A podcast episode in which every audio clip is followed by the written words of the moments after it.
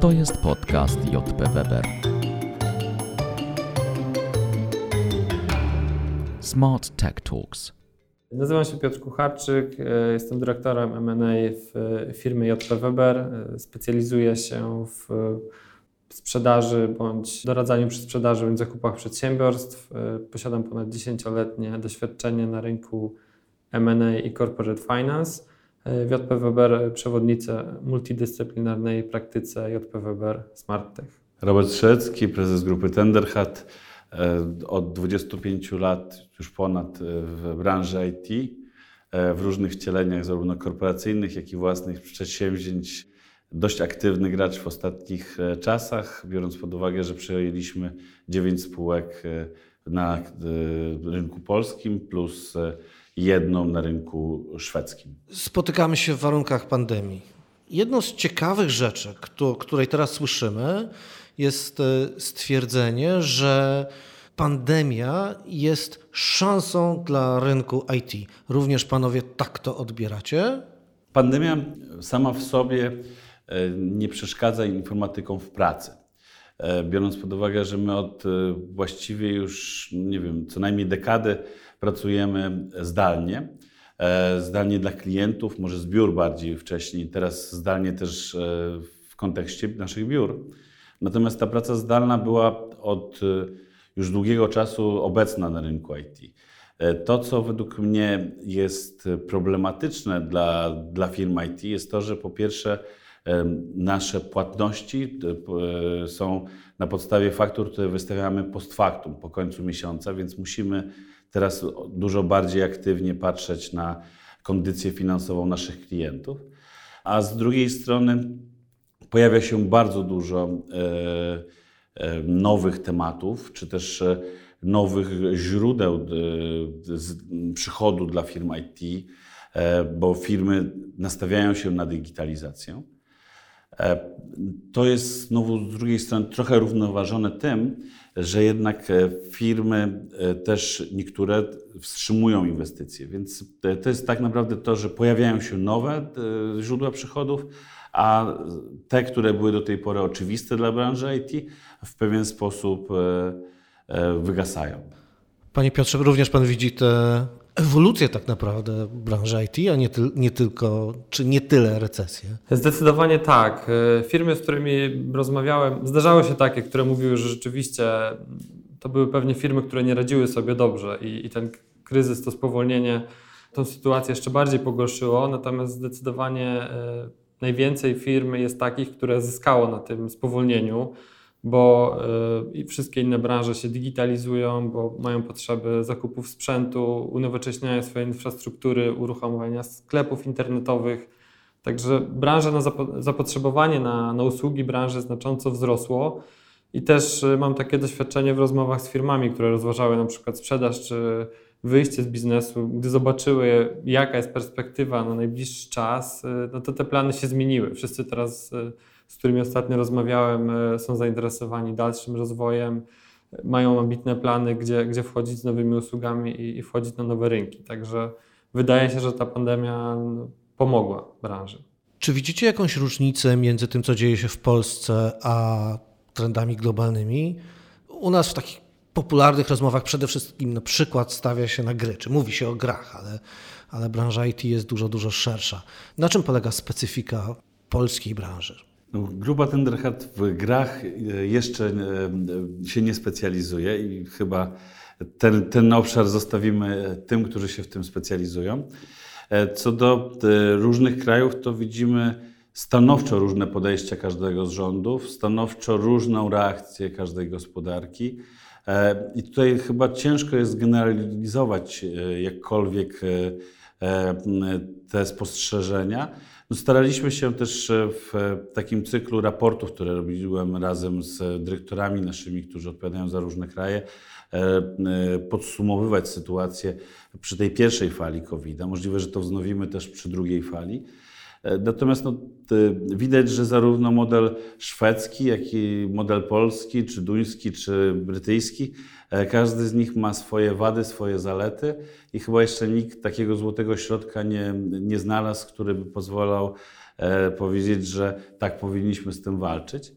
Też te sentymenty, do, czy to do inwestycji, czy do digitalizacji firm, czy też do tego, żeby te firmy stopować, one się tak naprawdę zmieniają z tygodnia na tydzień, no bo to już chyba wszyscy od marca zdążyli się przygotować i przyzwyczaić do tego, że tak naprawdę czasami to, co byliśmy przekonani, że jest prawdą o dziewiątej, po wystąpieniu E, oficjela, e, e, czy to rządu, czy to Unii Europejskiej, czy to Stanów Zjednoczonych, okazywało się całkowitą nieprawdą po godzinie, więc w tej chwili tak naprawdę chyba wszyscy przedsiębiorcy, a co najmniej ci, którzy podchodzą poważnie do biznesu, śledzą na co dzień doniesienia z każdego rynku, na którym są. No i tak jak wcześniej też mówiłem, na pewno patrzą dokładnie na E, kwestie związane z ratingiem i oceną też e, płynności swoich klientów, no tak żeby uniknąć gdyby problemów. A czy widzi Pan jakieś charakterystyczne cechy polskiego rynku, czy polskiej branży, ludzi, którzy w Polsce się tym akurat zajmują?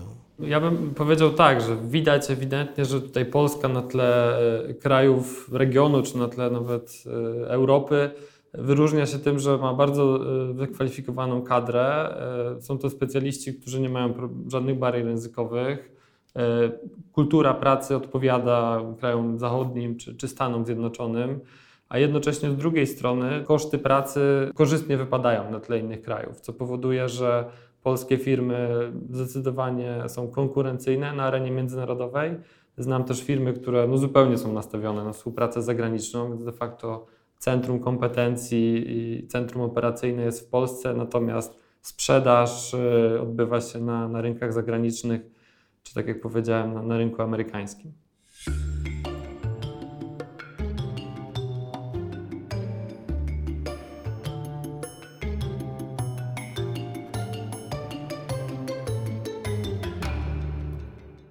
Mówimy o rozwoju.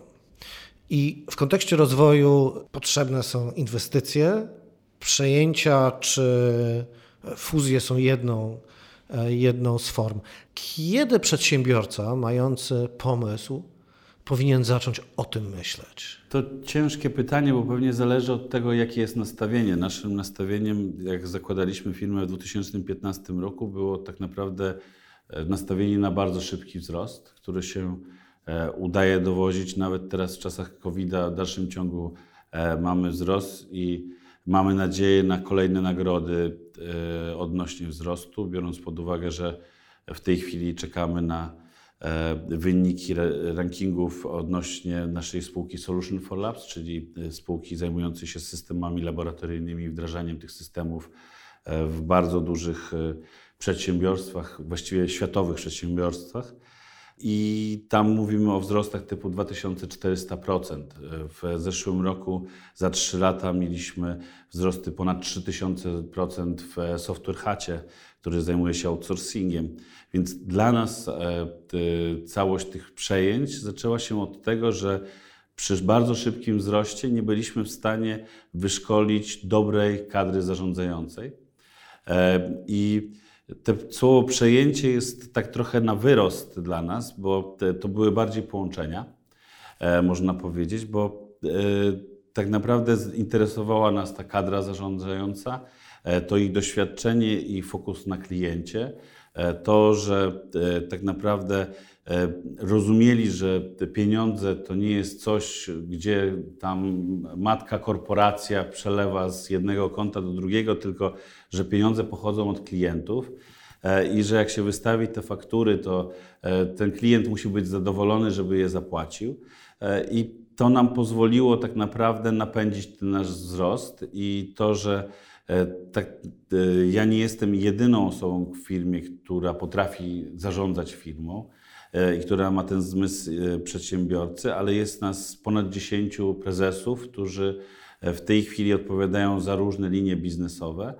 E, I nawet przy kilkunastu spółkach, które teraz mamy, bo mamy spółki i w Polsce, które są spółkami czy to e, nastawionymi na jakiś sektor outsourcingu, czy też spółkami produktowymi, ale mamy też spółki w Danii, w Stanach, e, w Szwecji, ostatnio też połączona właśnie z nami Nordic Tech House, czy spółkami w Chinach, które, które założyliśmy po to, żeby móc serwisować naszych klientów za wielkim chińskim firewallem, gdzie to też było dość duże wyzwanie. Więc tutaj ciężko powiedzieć, bo można się nastawiać na to, żeby zbierać po prostu duże firmy z rynku, które mają problemy i na tym problemie wymuszać kiepską wycenę. E, czy też właśnie tak jak my, wymieniać się w większości przypadków jako akcje za akcję plus jakiś tam cash e, na, dla tych poprzednich właścicieli i gdy budować coś większego, tak? mieć jakąś wizję większego przedsiębiorstwa. Na pewno bardzo ważne, żeby ten proces zaplanować. E, zaplanować go z wyprzedzeniem. Sam, e, samo przeprowadzenie takiej akwizycji dobrze założyć, że potrwa 12 miesięcy. Natomiast to, co firmy w praktyce robią e, i, i co myślę słusznym kierunkiem, to wyznaczenie strategii na najbliższe kilka lat i w ramach tej strategii, jeśli to jest zasadne, wpisanie działań akwizycyjnych, tak jak to chociażby w ostatnim czasie ogłosił Sescom czy, czy Aileron, gdzie jest to jeden z kierunków rozwoju. Tak? Oprócz różnych działań, które, które firma ma zaplanowane, wyróżnia też akwizycje i wtedy de facto można świadomie do tego procesu podejść, planując, gdzie chciałoby się przejąć podmiot, jakimi cechami miałby się on charakteryzować odpowiednio w czasie ten proces zaplanować i, i przeprowadzić. I, i to, to, powinno jakby decydować o, o, jego sukcesie. Czyli przede wszystkim podejść do tego e, świadomie, profesjonalnie, tak jako do projektu, który powinien potrwać około 12 miesięcy.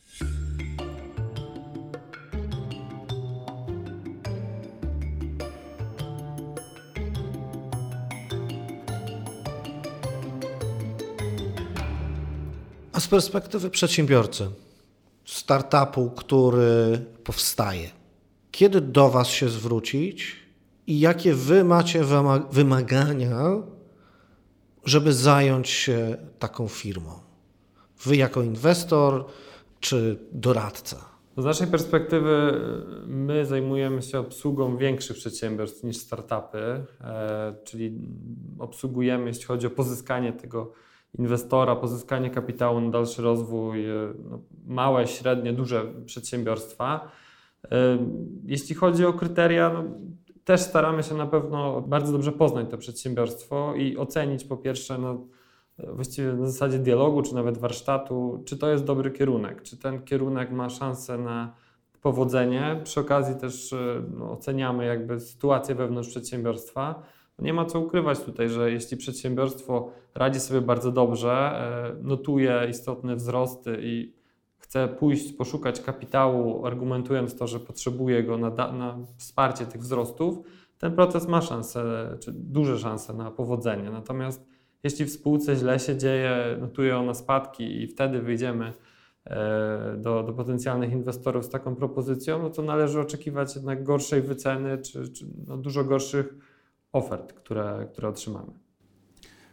Z naszego punktu widzenia, tak naprawdę e, moment, w którym e, warto się do nas zgłosić, e, a mówimy tutaj bardziej może nie o startupach, a firmach czy to software'owych, czy to outsourcingowych w innych zakresach, czy to cyberbezpieczeństwa, czy graf usług graficznych, UX-owych, to, to, to jest ten moment, w którym zwykle właściciele stwierdzali, że osiągnęli coś, ale nie do końca mają pomysł, jak z tego coś typu 10, 20, 30, 100 osób e, pójść dalej.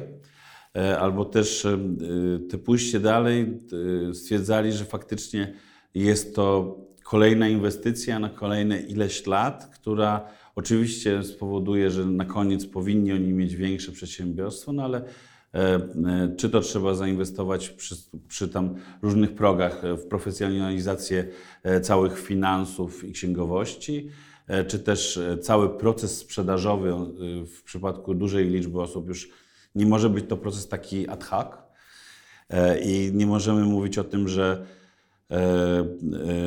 no kto wpadnie, to wpadnie. Tak? To, to już musi być coś zaplanowane, tych, tych ludzi jest e, sporo i ta maszyna musi działać w, pewien, w pewnym ustalonym rytmie. Oczywiście też w naszej historii mieliśmy firmy, które popadły w jakieś tam problemy finansowe, czy też e, problemy organizacyjne i z nich e, to wyciągaliśmy je. Natomiast tym my jesteśmy zainteresowani, że ktoś widzi tą synergię i ten plan, że fajnie być naprawdę dużym podmiotem na polskiej scenie, e, czy też scenie międzynarodowej, do której w tej chwili aspirujemy. E, I że to jest jak gdyby coś, co by chciał współtworzyć.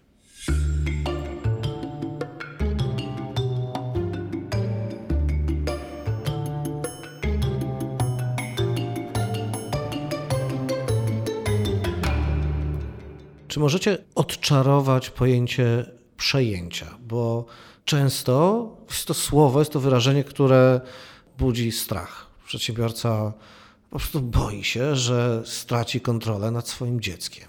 Z jednej strony tak, traci, e, traci kontrolę nad dzieckiem, ale za to e, dostaje kawałek kontroli nad, e, można powiedzieć, dorosłym już.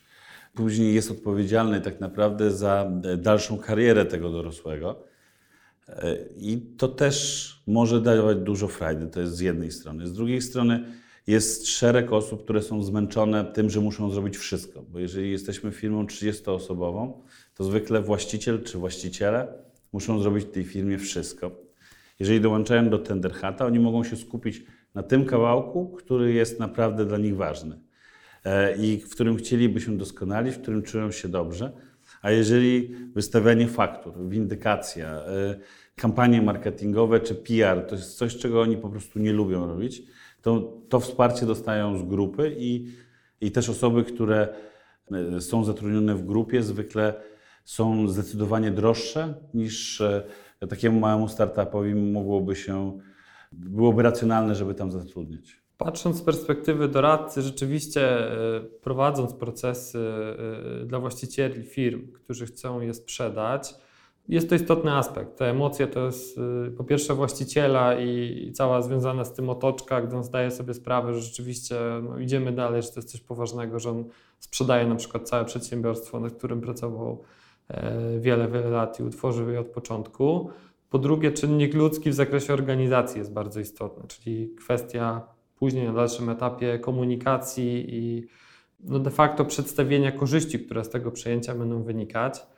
Nie da się tutaj ukryć, że bardzo ważnym elementem przy szukaniu nabywcy jest pewne dopasowanie kultur organizacyjnych, przyszłości tych biznesów, czyli nie szukamy kogoś, kto po prostu da nam najwyższą kwotę, nieważne co, tylko szukamy zawsze kogoś, kto będzie w stanie dalej poprowadzić ten biznes, czy ten biznes po prostu dołączy do większego gracza, który da mu o wiele większe możliwości.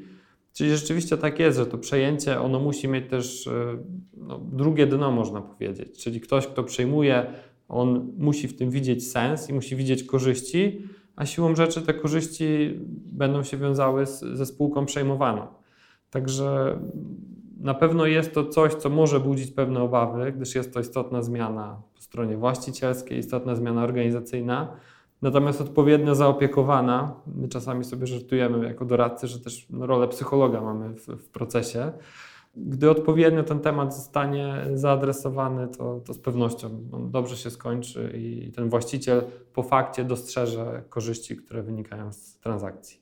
To jest rzeczywiście ciekawy fenomen, który występuje w branży IT, co wynika według mnie jakby no, z kultury pracy i z, z pewnej mentalności osób, które tę branżę tworzą że przedsiębiorstwa są chętne do łączenia się, do budowania czegoś większego. Rzeczywiście dochodzi do tych wymian udziałów czy, czy do fuzji e, na rynku i budują się w ten sposób większe grupy, i tutaj jakby obie strony są e, z takich rozwiązań zadowolone. Natomiast patrząc na inne branże, to takie sytuacje nie mają miejsca. W innych branżach zwykle jest jeden przedsiębiorca, który wykonuje swoją pracę, jest konkurencja powiedzmy, i każdy jednak dąży w swoim obszarze do tego, żeby no, być jak najlepszym, tak? żeby odnieść sukces rynkowy. E, nie wiem, na przykład firmy transportowe, tak? Tam nie jest to powszechne, że się dwie firmy połączą, e, będą miały więcej kierowców, więcej samochodów i, i wyruszą e, na dalszą ekspansję rynku. Natomiast w branży IT to jest moim zdaniem bardzo fajne i ciekawe, że, że nie ma takich barier, tak? że jest większa elastyczność i to też powoduje moim zdaniem, że łatwiej ten sukces osiągnąć, no bo jednak łącząc się, łącząc historię dwóch organizacji, doświadczenie zarządów, no razem jest łatwiej coś zbudować, co, co odniesie sukces. Z naszego doświadczenia to też było tak, że dlaczego my mamy tak naprawdę to nastawienie na e, większe, może więcej, bo były spotkania takie jak e, nie wiem, z topowym bankiem duńskim, gdzie żeśmy się spotkali po rekomendacji jednego z klientów z członkiem zarządu, czy tam dyrektorem odpowiedzialnym za globalne IT tego banku duńskiego. Zrobiliśmy prezentację, pokazaliśmy, co potrafimy. Na tej prezentacji zabrakło fakt, faktem liczby e, całkowitej osób. No i ten Duńczyk pyta nas się, dobrze, dobrze, bardzo mi się podoba e, wasza praca, bardzo mi się wam podoba wasze podejście, a ile wy macie osób? No i my mówimy, no, napinając się, jak nie wiem co, w tamtym czasie 80. No on tak się patrzy, patrzy chwilę w sufit, patrzy, wiecie co, to za 4-5 lat, jak będziecie mieli tak z 300, to zgłoście się do nas jeszcze raz, bo 80 osób to, to najmniejsze nasze projekty mają, więc jakbym miał wam coś zlecić, to musielibyście wyrzucić wszystkich innych klientów. Więc to jak gdyby pokazuje, że jak gdyby nie ma według mnie różnicy już pomiędzy tysiącem a dziesięcioma tysiącami, bo to są już organizacje, które potrafią podejść do każdego właściwie projektu e, i to tylko i wyłącznie własnymi zasobami. Natomiast jeżeli mówimy o przedziałach 10, 50, 50, 100, 100, 150, 150, 200, 200, 300 i 300, 500 i później powyżej 500 do 1000, to każdy z tych obszarów ma stanowczo inne możliwości dotarcia, stanowczo inne możliwości pokazania się jako profesjonalny wykonawca.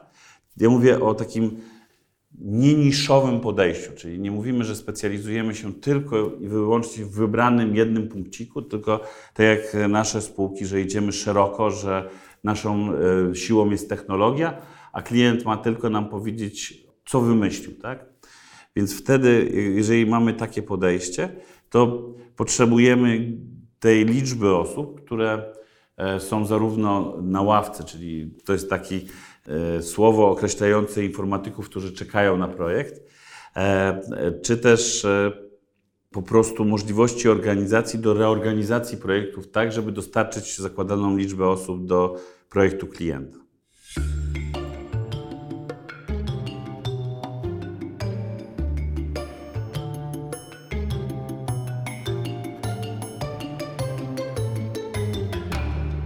Czy ma znaczenie pochodzenie kapitału tutaj? Wspominał Pan o roli kulturowej. Szukać kapitału polskiego, zagranicznego, czym się kierować? Ja może powiem tak z perspektywy międzynarodowej, bo też jako JP Weber jesteśmy członkiem e, międzynarodowej organizacji M&A Worldwide, która zrzesza e, doradców z całego świata i też mam przyjemność być tam e, członkiem grupy sektorowej IT i dużo rozmawiamy o transakcjach, które dzieją się na świecie i też współpracujemy ze sobą e, w ramach tej grupy. I de facto pochodzenie kapitału nie jest tu najistotniejsze. Najistotniejsze jest to dopasowanie.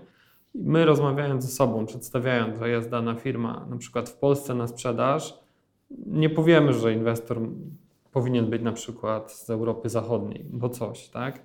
Bardziej będziemy rozmawiać o tym, jaki profil inwestora byłby ciekawy, co ta spółka może dać temu inwestorowi, jakie są jej mocne strony, tak żeby y, tą układankę dopasować do siebie. Natomiast gdy będziemy mówili o szukaniu celów do przejęcia, tutaj bardziej będziemy patrzeć na aspekt geograficzny, ponieważ przejmującemu może zależeć na tym, żeby na danych rynkach. Spotkałem się też y, z klientem z Litwy, który na przykład, czy z Polski też, którzy mówili, że jest pewna bariera w wejściu na rynek niemiecki. Widzą po prostu te różnice kulturowe, widzą w różnym podejściu klientów z tego rynku do e, spółek z Polski. Tutaj bardzo dobrym rozwiązaniem byłoby albo przejęcie gracza na rynku lokalnym, czyli już dysponowanie e, tymi kompetencjami operacyjnymi i językowymi, bo tutaj pewna bariera może występować, lub utworzenie tam po prostu e, jednostki. Jeszcze powiedzmy 5 lat temu to główne przejęcia były tylko i wyłącznie pochodzące tak naprawdę spoza Polski. zdecydowana większość. I one były nastawione na to, żeby po prostu zdobyć e, przyczółek, czy też e, tanie centrum e, outsourcingu. Od tych kilku lat widać stanowczą zmianę, to znaczy z jednej strony zaczynamy coraz bardziej szanować swoje firmy, coraz więcej kapitału tak naprawdę jest też zakumulowanego w branży IT, więc pojawiają się kolejni gracze na rynku, którzy mówią, tak jak Tenderhat, przyłącz się do mnie. E, są też tacy gracze, którzy mówią, e, zróbmy spółdzielnie, e, którzy przyjmują po prostu mniejszościowe pakiety i to jest ich znowu strategia. Czy też są firmy takie jak Aseco, które przyciągają różnego rodzaju spółki produktowe, czy to w Polsce, czy to w Europie Środkowej. Tutaj bym zakładał tak, że będzie coraz więcej jednak tego polskiego kapitału nastawionego na budowę czegoś ciekawego. E, można też wziąć pod uwagę rynek ukraiński, gdzie została przeprowadzona tak naprawdę pewnego rodzaju konsolidacja i to rozdrobnienie rynku jest o dużo mniejsze. Tam możemy wydzielić kilku tak naprawdę potężnych e, graczy, takich jak, nie wiem, EPAM na przykład. E, I to jest też widoczne w Chinach, gdzie mamy też gigantów, którzy mają po kilka budynków i to jest właściwie dla nas skala w ogóle niewyobrażalna e, liczby tych ludzi. Ja sądzę, że też e, ten rynek polski będzie coraz cięższy dla, dla firm e, zagranicznych do tego, żeby znaleźć tą perełkę, że będziemy starali się budować polskie jednak brandy, które będą wychodziły. I tak jak na przykład Tenderhat, no to my w tej chwili nie podchodzimy do tego, żeby myśleć o przejęciach w Polsce, ale w Polsce myślimy o łączeniach się. Natomiast e, staramy się przejmować spółki zagraniczne, tak jak przejęliśmy spółkę w Szwecji. Patrzymy na Wyspy Brytyjskie czy Francję jako następne kraje, w których chcielibyśmy umocnić swoją pozycję, przejmując tam firmy tak naprawdę, a nie e, w Polsce. Jest też dosyć ważne pytanie o model inwestycji. Czym różni się współpraca z inwestorem strategicznym a inwestorem finansowym? Tutaj mamy dwa typy inwestorów, którzy mają różne cele. Inwestor e, strategiczny, czyli e, branżowy, on będzie szukał e, spółek do przejęcia w ramach swojego rozwoju, czyli w ramach przyjętej strategii wzrostu czy reinwestowania nadwyżek gotówkowych będzie dążył do przejęć tak jak to na przykład grupa Tenderhat przeprowadziła w Szwecji. Natomiast e, jeśli chodzi o inwestora finansowego, on będzie traktował e, przejęcie jako inwestycję stricte, czyli e, będzie szukał spółki, której może powierzyć kapitał na określony czas, która ma pomysł z pomocą funduszu, jak ten kapitał wykorzystać i jak dzięki temu zrealizować wymaganą stopę zwrotu. Istotne jest też jakby z perspektywy przedsiębiorcy zastanowienie się, czego tak naprawdę przedsiębiorca potrzebuje, czego poszukuje i też odpowiednie przygotowanie e, do tych rozmów, tak aby zainteresować drugą stronę i, i aby zrealizować z powodzeniem e, zamierzone cele. Ja mogę powiedzieć trochę z punktu widzenia właściciela, bo też swego czasu byłem e, właścicielem firmy, która została przejęta. W przypadku inwestora finansowego to my dalej jesteśmy odpowiedzialni za tą firmę i e, e, mamy po prostu zastrzyk gotówki i e, trochę możemy się poczuć, jeżeli nawet jesteśmy startupem czy małą agencją digitalową, to możemy się poczuć jak takie małe przedsiębiorstwo na sterydach, tak? I jeżeli wydamy te pieniądze poprawnie, to będzie dla nas pewnie bardzo duży sukces z jednej strony, z drugiej strony e, też e, całkiem niezła gratyfikacja, e, czy to finansowa, czy to udziałowa.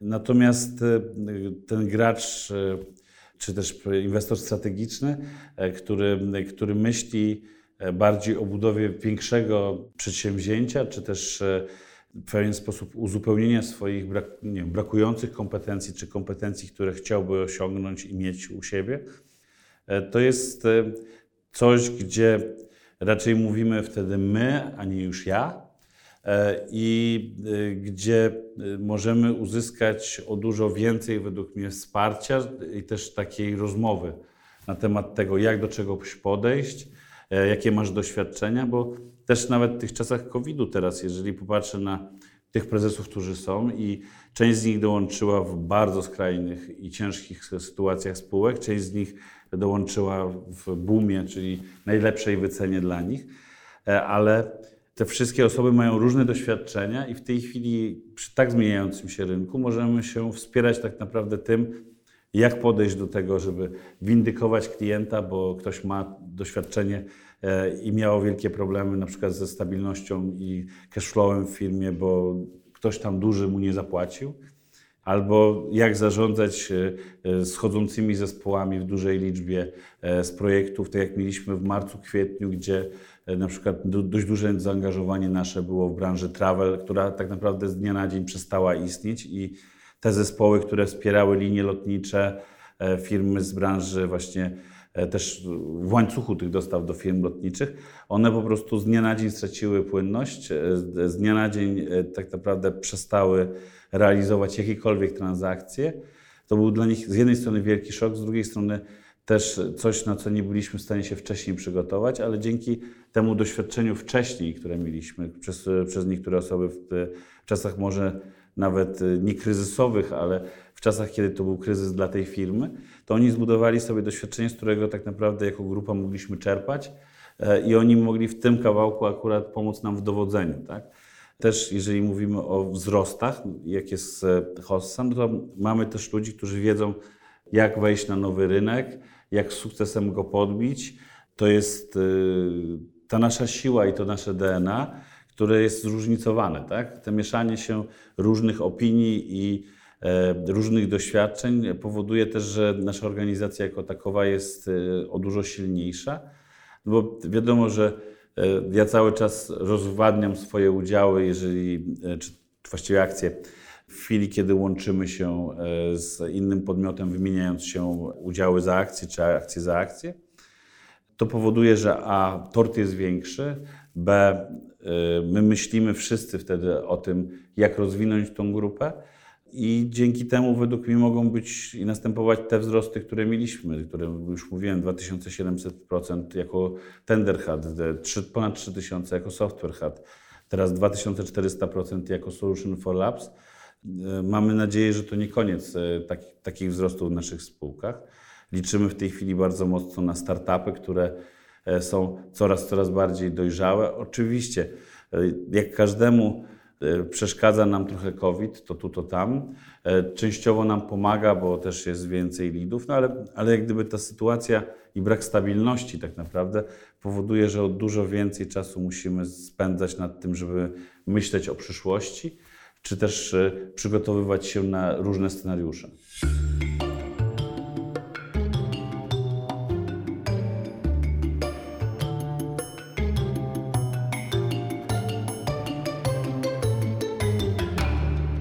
A czy po pół roku, już przeszło COVID-u, e, widzicie jakieś kierunki?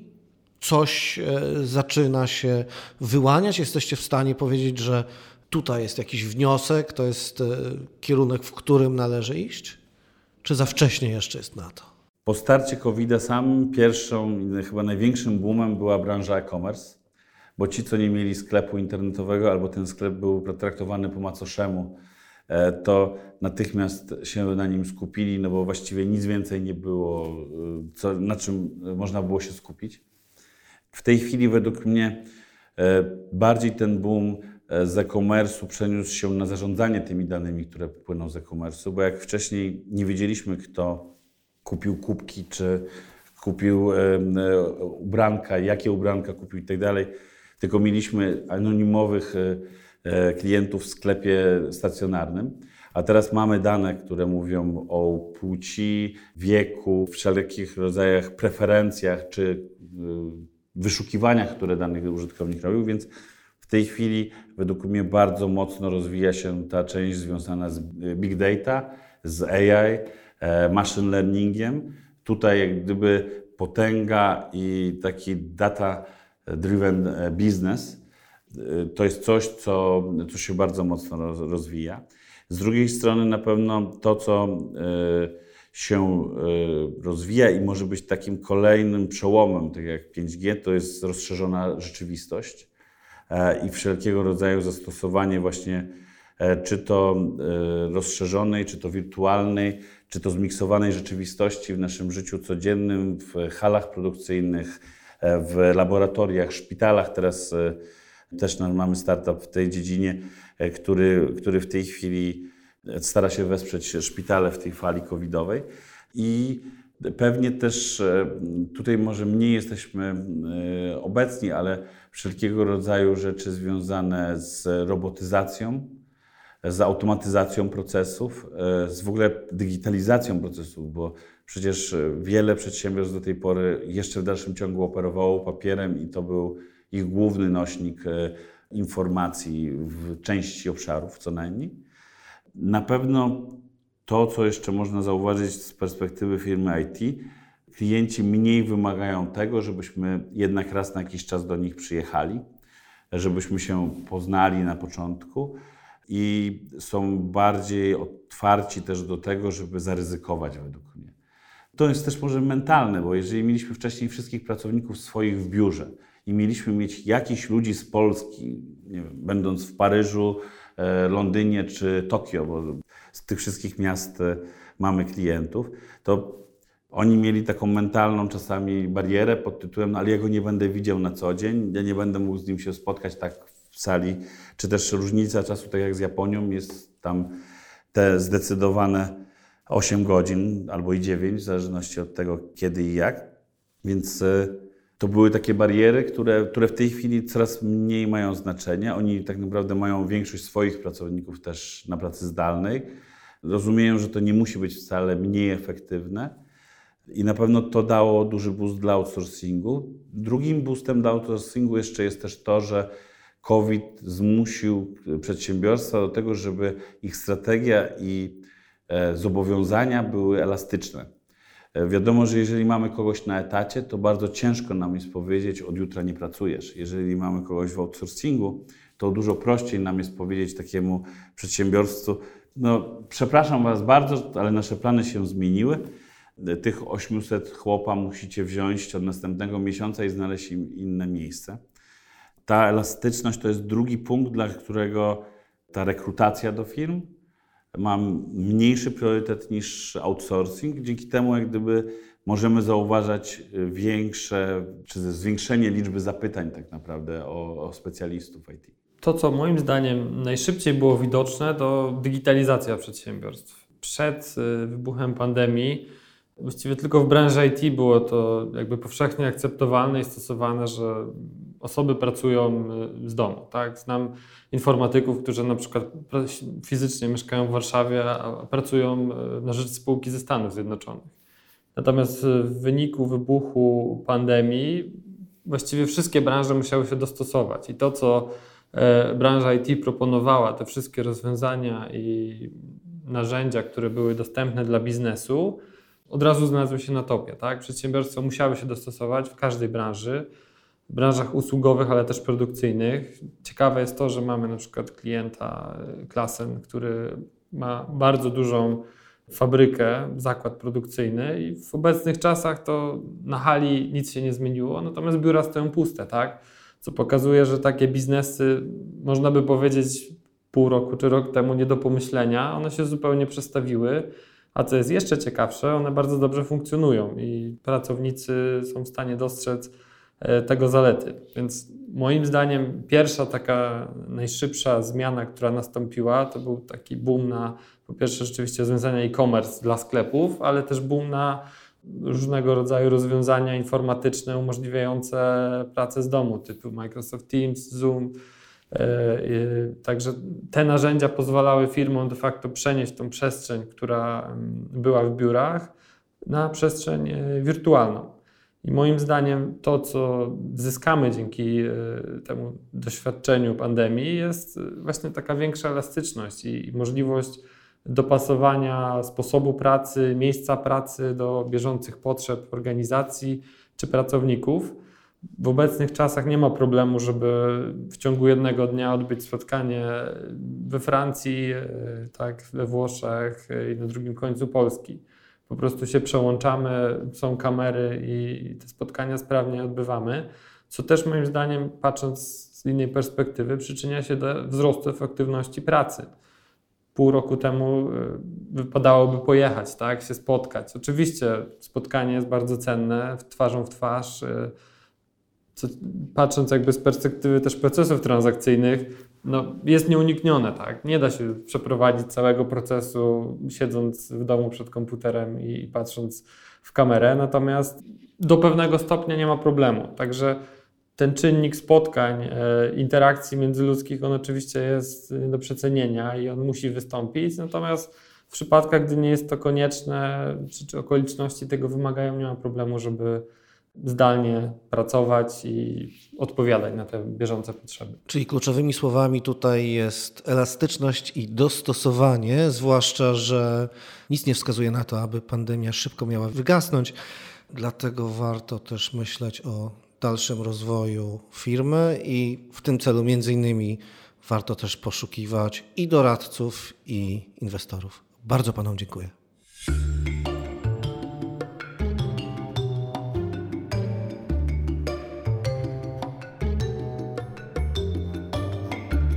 To był podcast JP Weber. Realizacja Free Range Productions Honest Audio.